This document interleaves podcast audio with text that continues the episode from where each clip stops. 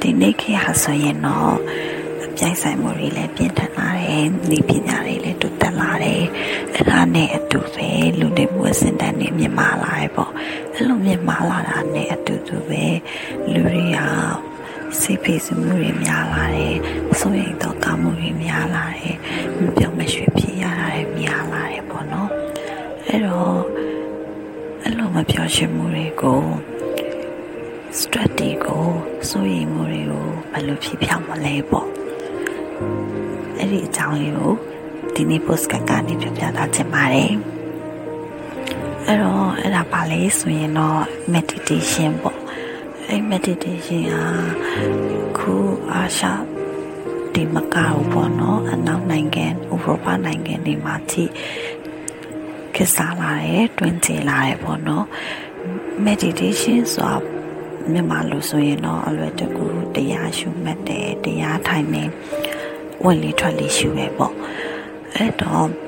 အဲ့ဒီလိုမျိုး meditation မှာတော့ technique တွေသူရဲ့ဒီလန်းနေအဲလုပ်ပေါ်လုံးနေမတူကြတာကြီးလည်းရှိရဲ့အဲ့ဒီမှာမှမြန်မာမှာတော့တော့ဝင်လေထွက်လေရှုတာရောများတယ်ပေါ့နော်နှာခေါင်း တီးလေးကိုဝင်လာတဲ့လေကိုရှိတာများတယ်ပေါ့နော်အဲ့တော့အဲ့ဒီ meditation လုပ်ခြင်းအပြင်ပေါ့ဘာတွေကောင်းကျိုးရလာလဲပေါ့ဘာတွေကိုပြောင်းလဲသွားစေလာလဲပေါ့ဘာကြောင့်သူ stress တွေကိုနေအောင်ကုညီပေးရလဲပေါ့အဲ့ဒီလိုမျိုး meditation ကိုနေ့စဉ်9မိနစ်ကနေ10မိနစ်အတွင်းလုပ်မယ်ဆိုရင် အုံနောက်ရဲ့လှုပ်ဆောင်ချက်တွေကိုသူကပြောင်းလဲပေးသွားနိုင်တယ်ဘလို့ပြောင်းလဲပေးလဲဆိုတော့နေ့စဉ်နာ meditation လုပ်မယ်ဆိုရင် pre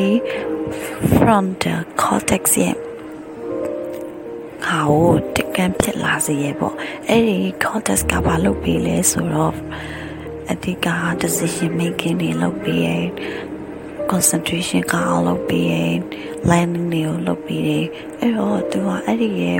လှုပ်ဆောင်ချက် function တွေကိုကောင်းအောင်လုပ်ပေးရအတွက်ကြောင့်မို့လို့ concentration တွေကောင်းလာမယ် decision making လုပ်ရတာတွေပို့ပြီးတော့မှလွယ်လာတယ်ပေါ့နော်အဲ့ဒါဆိုရင်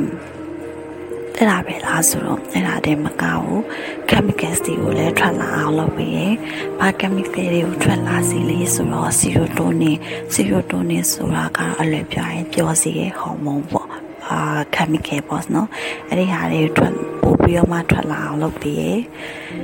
ပြီးတော့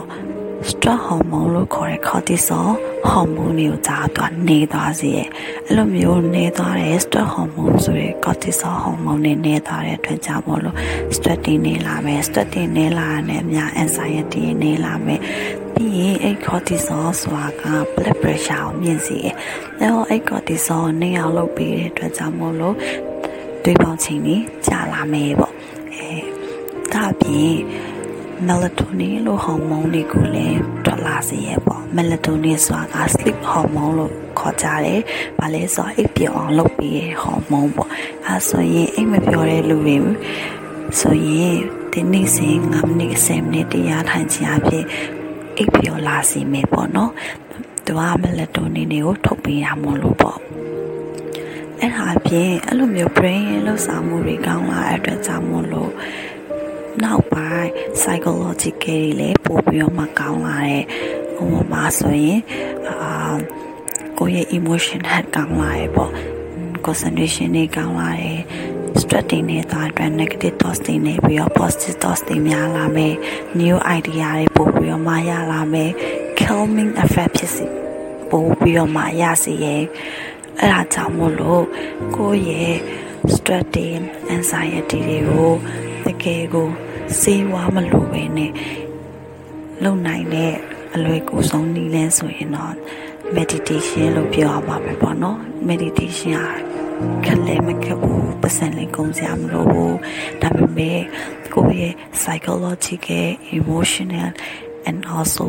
um, physical အကုန်လုံးကိုကောင်းအောင်လုပ်ပေးနိုင်တဲ့တကယ်ကိုကောင်းမွန်တဲ့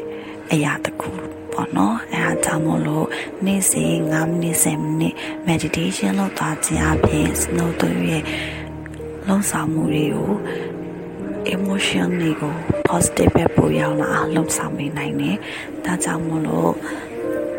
နေ့စဉ်နေ့စဉ်5မိနစ်10မိနစ် meditation လုပ်နိုင်အောင်ကြိုးစားဖို့တိုက်တွန်းချင်ပါတယ်။အားလုံးကိုကျေးဇူးများတင်ပါတယ်ရှင်။